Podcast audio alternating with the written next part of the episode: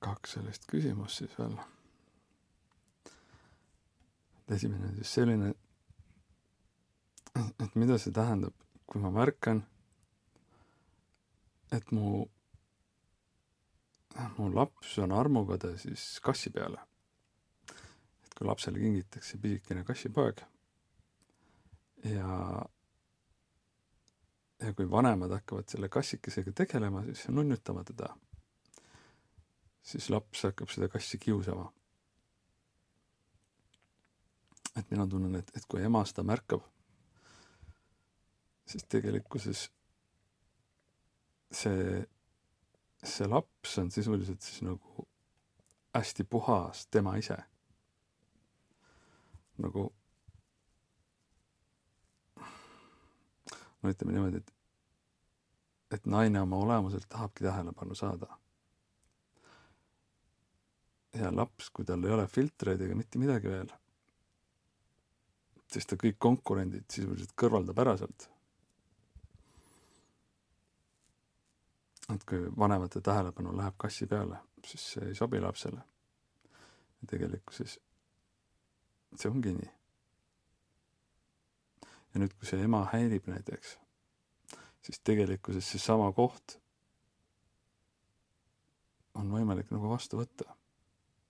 Et jah, ma olengi ise ka armukade ja ma tegelikult tahan ise ka mehe tähelepanu. aga mul nagu justkui ei sobi enam seda saada. et mees peab nagu ise tulema, mitte mina. aga sisimas käib see mulle närvidele ikkagi nagu et kui mees vaatab näiteks midagi võõrast või sest meil vahepeal öeldakse, et, et mehed on nii armukadedad, et et naine ei tohi kellegagi rääkidagi kohe, et jube jama nagu. et äh, mina saan aru, et tegelikult armukadedus on kahe inimese vahel.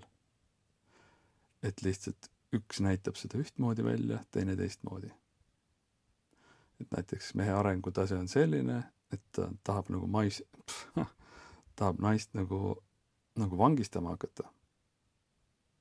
Ütlebki, et sa ei lähe mitte kuhugi, sa ei tee mitte midagi. nii. aga see ei tähenda, et naine armukade ei ole. on samamoodi. aga tema näitab seda välja hoopis teistmoodi. või õigemini niimoodi, et mitte keegi ei näekski seda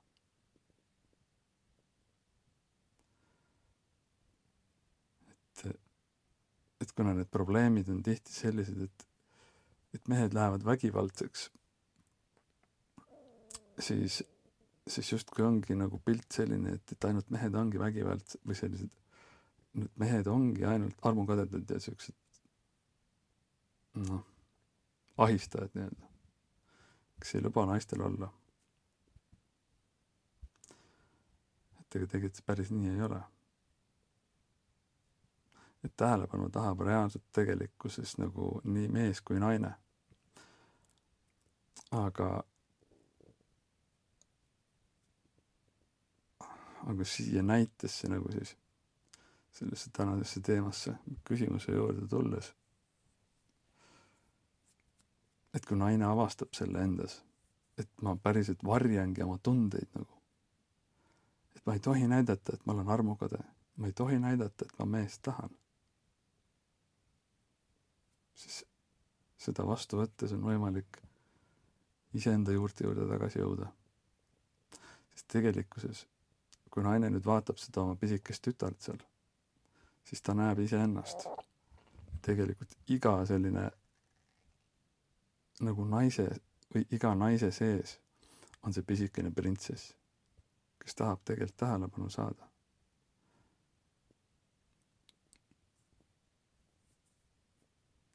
et, et see, et, et meil õpetatakse neid asju nagu varjama ja ja kui ühiskonna poolt tuleb selline signaal, et naisel ei kõlba seda teha, et siis on naine, ma ei tea, litsakas või või midagi sellist, et kui ta läheb mehele lähenema, siis tegelikkuses see on silt. et piisab sellest, kui näiteks see ennast purju juua täiega, siis on tegelikult ju näha, mismoodi naine hakkab nagu tahtma seda meest. ja kuidas ta tahab teistel naistel silmad peast välja kratsida. ehk siis tegelikult see armukadedus ja kõik see asi on kogu aeg olemas kõigi käes, kõigi juures. sest et see on nii-öelda jumala väljendus. et mul on praegu puudu sellest iseendast nii-öelda. ja kui keegi tuleb võtma selle, seda teist mu käest ära, ma isegi näen, et, et siin on teoreetiline võimalus, siis ma ei luba seda.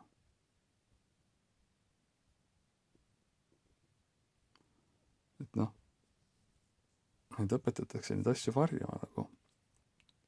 ja siis me jäämegi uskuma, et meil ei ole seda nagu. aga tegelikult on tegelikult see haakub teise küsimusega ka, nii-öelda täpsustusega. et mis siis, kui ma ei tunne, et ma ei ole oma kehaga piisavalt kontaktis. et kui ma räägin siin näiteks mingist, mingite tunnete tundmisest, nagu inimene ütleb, et aga ma ei tunne.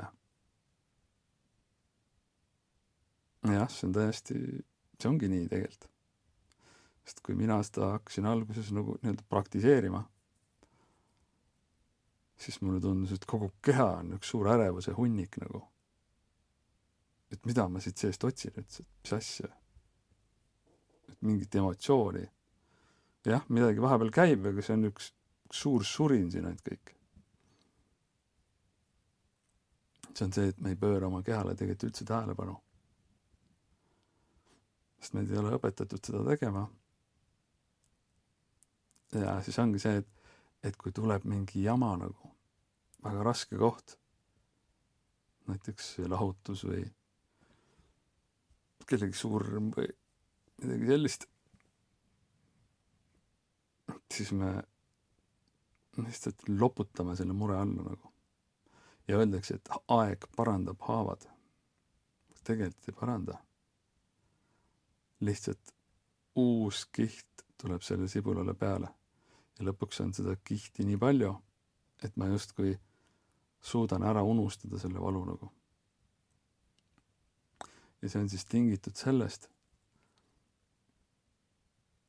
et, et meid on pandud nagu, nagu siis uskuma, et me ei tohi tunda. et küsimus ei olegi selles, et kas ma tunnen või ei tunne oma keha, vaid see, et mul ei, ma ei tohi tunda et siin on muidugi see, et, et see on nii vastik, et ma ei tahagi tunda. aga siin on ka see, et, et ma ei tohi. No näiteks see, et kui sa oled näiteks ema või isa ja kui sa näed, et su laps nutab, mida sa teed siis?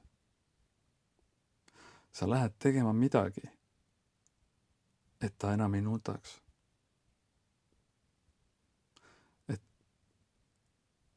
et me võtame seda nagu hästi isiklikult, kui laps nagu siis nutab kuidagi. aga miks ta siis ei tohi nutta? Sest me arvame, et me oleme siis vanematena läbi kukkunud. et me hakkame tundma süüd, kui laps nutab ja me ei saa mitte midagi teha. on see mingi hambavalu või mis iganes ta on. sa võid proovida, kui sul on väike laps. et mis tunded sinust tekivad kui sa oled selle lapse kõrval ja laps nutab ja sa tunned, et sa ei saa mitte midagi teha. see on meeletu süütunne. Aga tegelikkuses on nii, et see laps tunneb seda sinu süütunnet. ja nüüd ta tunneb, et tema on vale. ja lõpuks ta õpib selle ära,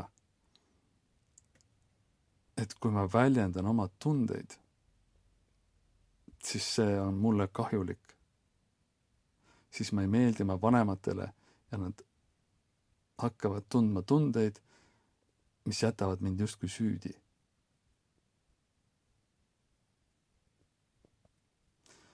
Noh, see on nagu üks, üks lähenemine ja üks vaade sellele.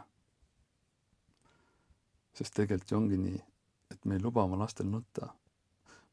me läheme nagu appi nii-öelda, kui ta on kurb me läheme teda, temaga riidlema, kui ta on vihane. eks me ei tohi tunda. ja lõpuks me jääme justkui uskuma, et aga meil polegi seda. et kui ma näiteks vaatan ühte inimest, kellel on käed rusikas ja ta ütleb mulle, et ma ei ole vihane, ma ei ole mitte kunagi vihane. miks sa arvad, et ma olen vihane? ja see on seesama. ma ei tohi olla ja ma ei olegi. miks te räägite, et ma olen? nalja teete või?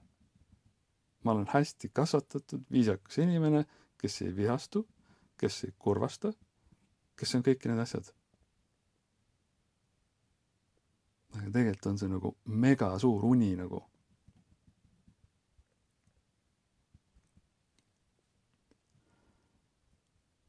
et äh, ütleme nii, et et meid häirivad nii-öelda negatiivsed inimesed. et näiteks koroona ajal lükkasid päris paljud inimesed mind oma sõbralistist minema, lootuses, et siis läheb elu paremaks. sest et ma puudutasin mingit kohta, mida nemad ei tahtnud tunda. sest et äh, ma ei saa puudutada tegelikult mitte midagi, mida selles teises inimeses ei ole. aga kuna nende negatiivsete tunnete tundmine on no, no, no, siis kõik see, mida ma tegin, on, on liig lihtsam on öelda, et mina olen negatiivne, mina olen paha. ja lükatagi mind ära, sest et ma teen haiget. aga tegelikult ma ju ei tee. tegelikult ma ei tee mitte midagi. et see ei ole niimoodi, et, et mina olen negatiivne. Et, et et nad, et inimene nagu näeb mind kui negatiivset. jah, ta võib seda näha aga mina aktiveerin tema negatiivsust, kui ta justkui näeb minu seda. sest see, see ei ole nagu niimoodi, et, et inimene näeb mind, nagu ma olen. et oskabki täiesti objektiivselt panna mulle sildi, et ülimalt negatiivne inimene. Tegelikkuses ei ole ju. tegelikkuses näeb inimene iseennast ta märkab neid asju ainult, mida, mida on vaja aktiveerida praegu. millest tal on vaja tegelikkuses vabaneda, millele on vaja otsa hakata vaatama.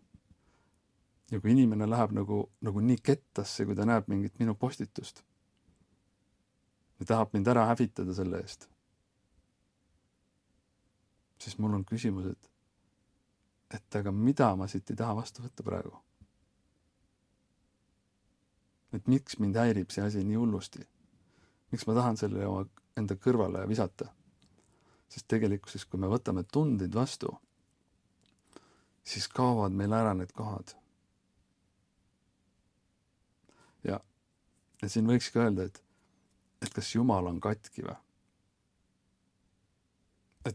Et, miks Jumal toob meie ellu ainult mingit saasta nagu? miks on meie ümber ainult valed inimesed? aga tegelikult ei ole ju Jumal katki. Jumal toob meile siin ja praegu seda, mida ma just vajan. et lõpuks võtta see vastu, et mul on ka see. see ei ole see teine inimene, see olen mina alati. See on mingi salvestis. aga mul on lihtsam see inimene ära lükata, sest et mul ei ole lubatud neid tundeid tunda kui me nagu juba teoreetiliselt sellest aru saame, siis on tegelikult juba hästi. et kui mul on valus vaadata teise inimese valu, siis siin on juba midagi.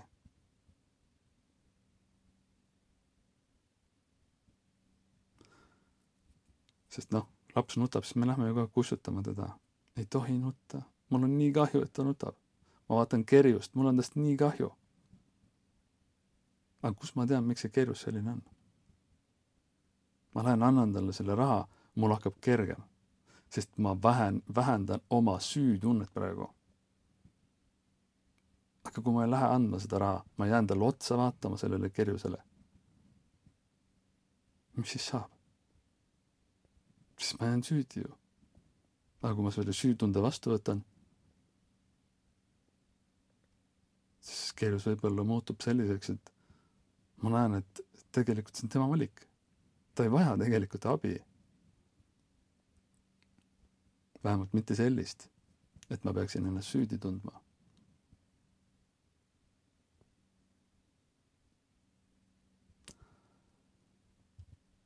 nii, selle tunnete vastuvõtmisega.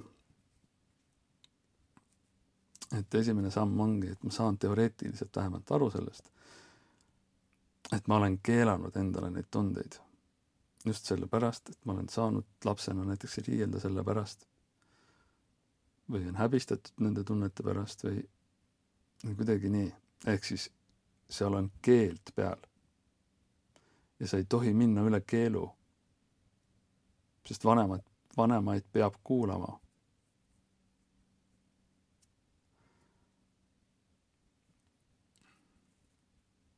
nii. nüüd, kui sa sellest aru saad, et sul ongi see keelatud olnud, siis, siis sa võiksid võtta ette näiteks mingi asja, mida sa üldse ei taha. mingi filmi, mis sulle nagu nii räigelt haiget teeb näiteks.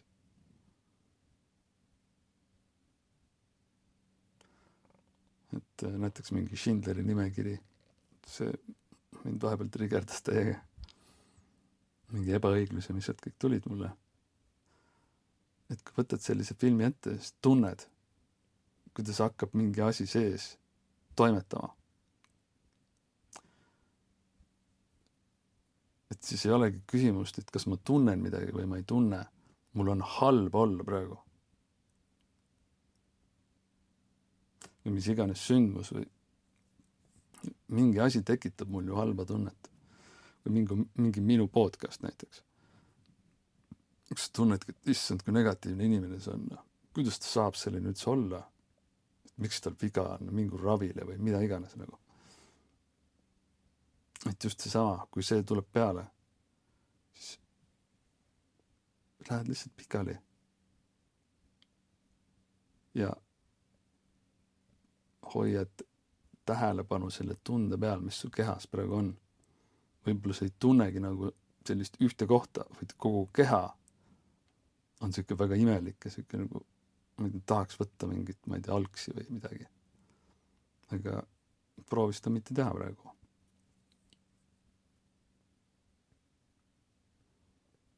et sa tunnedki seda ja ongi siuke tunne, et täiesti pekkis, mis asi see on siin.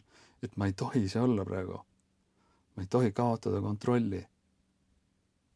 ma ei tohi olla negatiivne, ma pean naeratama. kui mu partner tuleb töölt, ma pean talle naeratades vastu minema, kuidas ma olen siuke nagu. siis ta ütleb mulle, et ma rikun tema tuju ju ka ära. kuidas ma saan olla see praegu? võimatu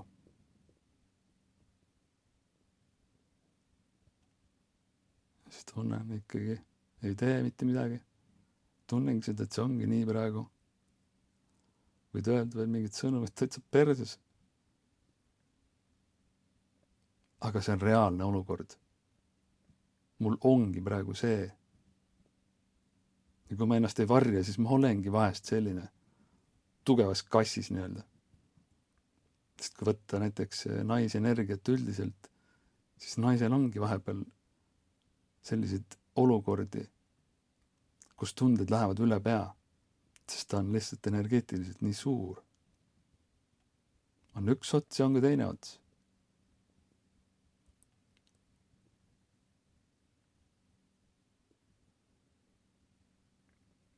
ja sellised, kui me hakkame nagu asju mõistma, on neid asju ka lihtsam vastu võtta.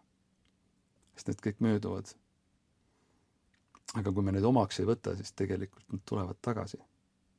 just sellepärast, et me võitleme nende vastu. sest meil on keelatud neid tunda. me hakkame tundma süüd, kui me neid tunneme. no me ei taha jääda süüdi.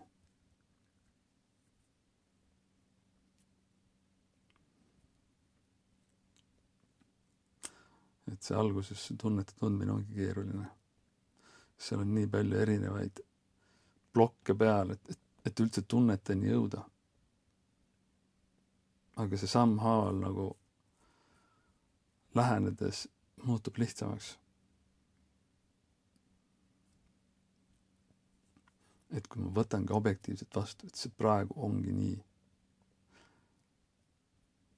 et meil need igasugused budistlikud ja ma ei tea, mis vaated kõik nagu justkui ütlevad, et ole teadvel.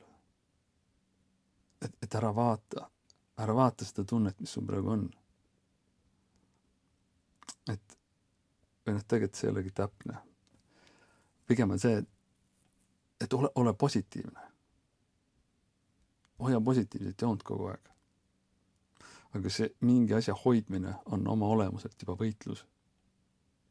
et mingi asi tahab tulla, et justkui Jumal tahab sulle praegu näidata, et, et vaata, sul on elus negatiivne pool ka. Vaata korraks seda lihtsalt. või mitte lihtsalt või mida iganes, aga ma lihtsalt näitan sulle, et sul on see. nii. ja siis õpetus ütleb annab sulle kõik erinevaid tehnikaid, kuidas hoida seda negatiivsust endast eemal. et mina olen ka erinevaid neid praktikaid proovinud. aga ma hakkasin neid siis proovima, kui mu tunnetus oli juba nii hea. ja ma umbes sain päevaga aru. Ei tööta, ei tööta, ei tööta. sest nii kui ma hakkasin negatiivset vältima siis justkui miski jõud mu sees näitas, et sa jooksed praegu vastu seina. et kui ma keskendusin näiteks ainult kolmandale silmale, et mitte midagi ei ole siin rohkem, ma ei tahagi tunda mitte mingeid tundeid enam, siis neid viskas nagu nii suure koguse, et täiesti võimatu oli neid ignoreerida. Et sellepärast ma tunnengi, et igasugune võitlus on mõttetu aga, aga meil on lihtsam nagu öelda, et, et see teine inimene on negatiivne. ma ei taha teda siia. sest et see teeb haiget lihtsalt, noh. no miks ma olen siukse inimesega koos? Öeldakse, et tal on nii negatiivne energia, et ei taha temaga ühes ruumiski olla. näiteks. Vahest öeldakse, et inimesed mõjutavad niimoodi. aga tegelikkuses inimene puudutab mind ennast, seda, mis mul on olnud keelatud. seda on väga raske vastu võtta, et kõik olen ma ise. sest meid on õpetatud, et, et elu käib nagu väljaspool. et kui me hoolime, siis me hoolime teisest. ja kui midagi on juhtunud, siis me hakkame ka seda teist vaatama. Aga et see asi siin meie enda sees on, juurikas nii-öelda, millega tegeleda see tundub liiga absurdne nagu.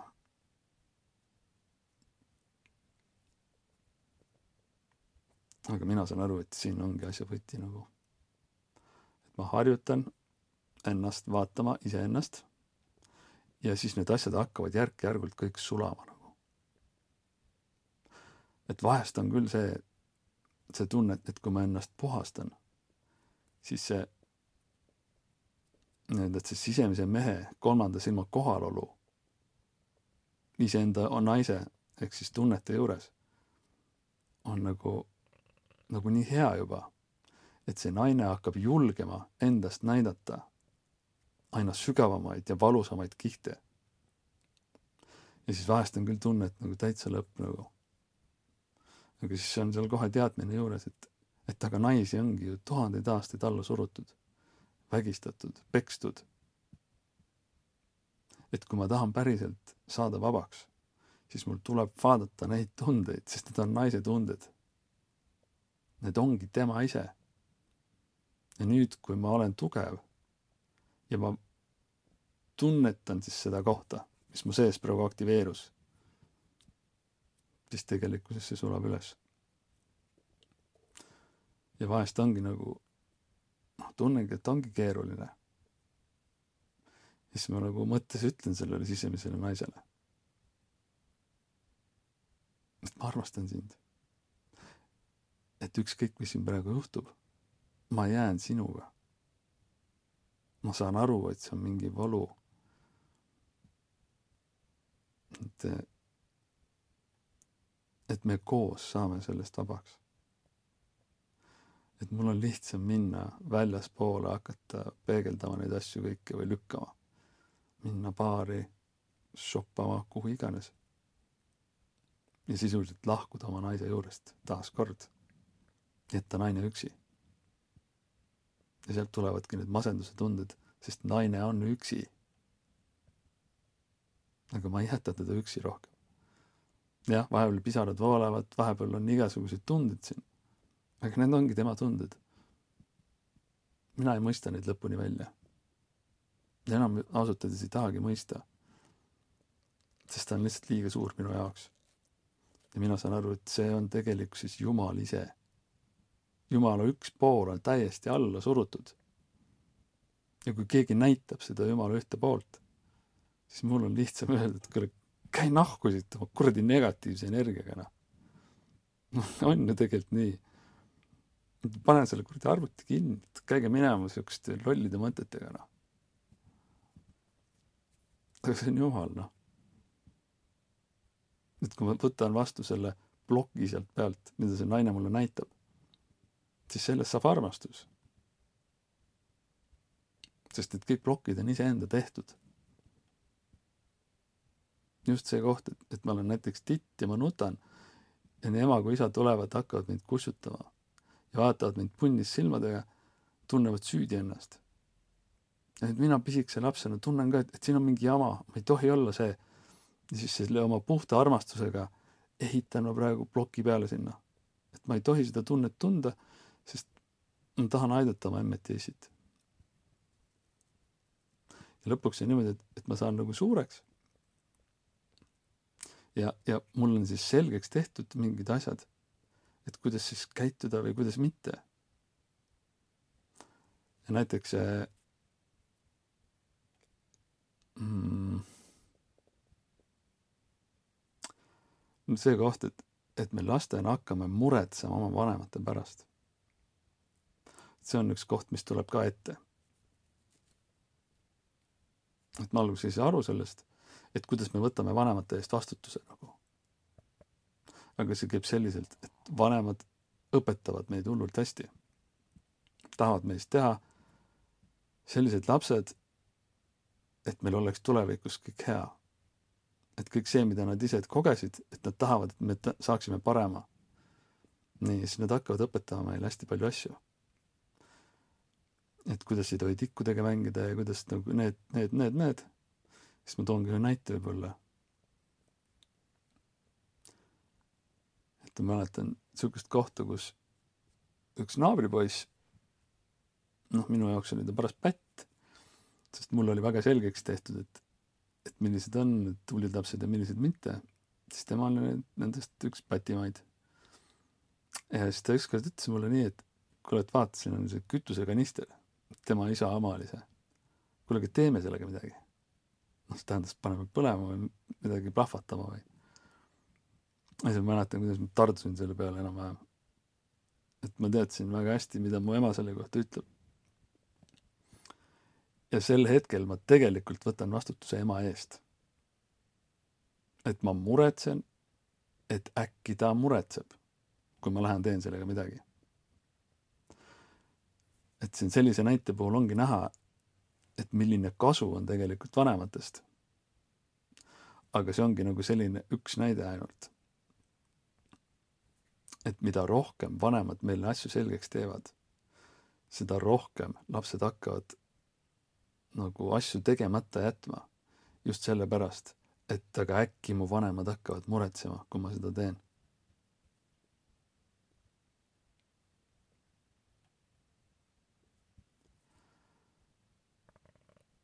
et, et selline iseenda kinnipanek kuidagi, iseenda elu eest otsustamine.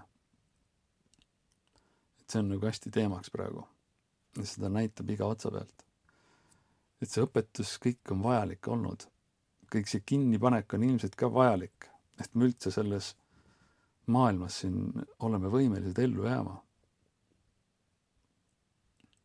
aga vabanemise protsess on selline, et meil tuleb sellega nüüd silma pista või rinda pista. me vaatamegi seda, saame aru, mis asi see on. ja objektiivselt, kui see on, siis võtamegi vastu. ilma võitluseta. vahest on valus, vahepeal pisarad voolavad, vahest tahaks vihastada ja kõik katki peksta. noh, aga nii on.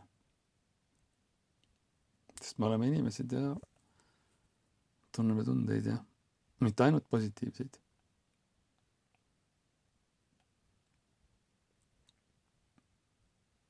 ja nii need asjad vaikselt sulavad. sest ma olen varem öelnud ka, et, et ma tunnen, et ma jõuan selles elus lõppu. see tegelikult on nagu, nagu selline poolik mõte. sest tegelikult lõppu ei ole olemas. Tunnen, et ma jõuan ego lõppu just selliste illusioonide lõppu. kas ma saan lihtsalt armastada? see, mis ma tegelikult olen. et ma tunnen, et ma olen mees. mul on sisemine mees ja sisemine naine, aga väliselt olen ma mees. ja kui ma võtan selle vastu, suudan olla see. Nii et ükski energia ei lükka mind enam ma ei tea, seda välist nagu, välisest otseselt sõltuma, siis ma tunnen, et see ongi lõpp nagu.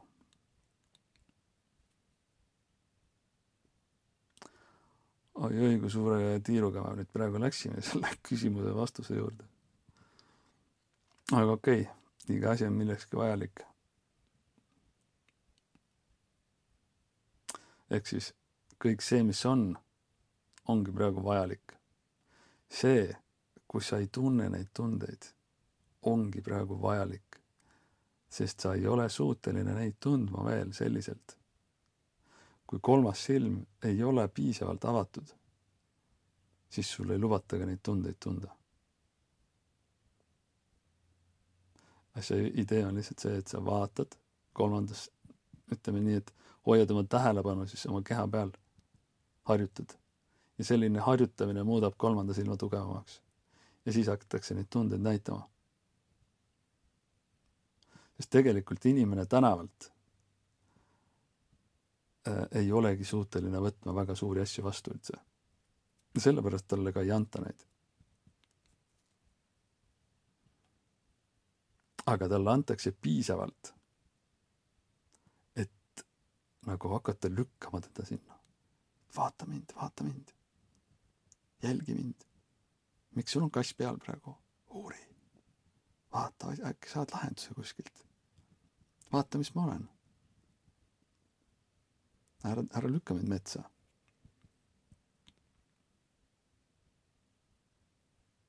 sest see negatiivne tunne on naine. aga naine tunneb ennast nagu ülimalt hästi, kui tal on mees juures, siis ta enam ei ole negatiivne sest patarei ei tööta ainult plussi peal. elu jaoks on vaja miinust. aga miinust on meil kohati nagu nii raske taluda, et me ei võta seda oma ellu.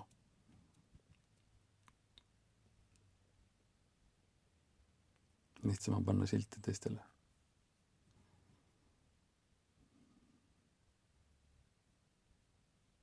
Aga selliselt, kui me hakkame iseennast jälgima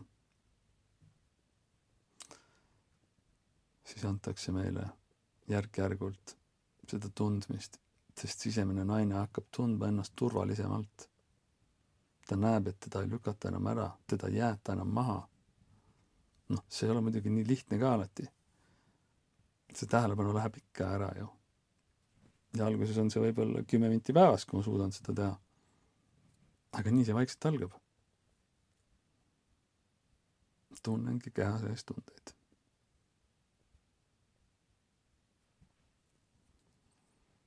vot, ja need muutuvad aina rohkem tuntavamaks. mitte sellepärast, et, et siin midagi juhtub kuidagi, ma ei tea, et sa muutud paremaks või. see on lihtsalt sodi jääb vähemaks su sees. ja siis nüüd sa näed neid asju palju selgemalt nii-öelda või tunned palju selgemalt ühte kohta ja lõpuks muutub see tundlikkus selliseks, et sa oled suuteline kõike tundma, seedimisprotsessi, organeid. mitte, et see kuidagi oluline oleks, aga see lihtsalt äh, on üks kõrvalnähtus lihtsalt. see sisemine naine saab puhtaks. Ja sa tunned, kuidas ta usaldus nagu kasvab või kuidas ta on kasvanud kogu aeg. et kuidas see tema noh, mina tunnen seda nagu siukse piiritu armastusena. et kuidas ta tegelikult ootab kogu aeg mind. see on nii-öelda see jumal siis, mis on nagu alla surutud. selle ülemise, selle isa, kes sa oled taevas, selle osa poolt. sest temal on lihtsam mujale vaadata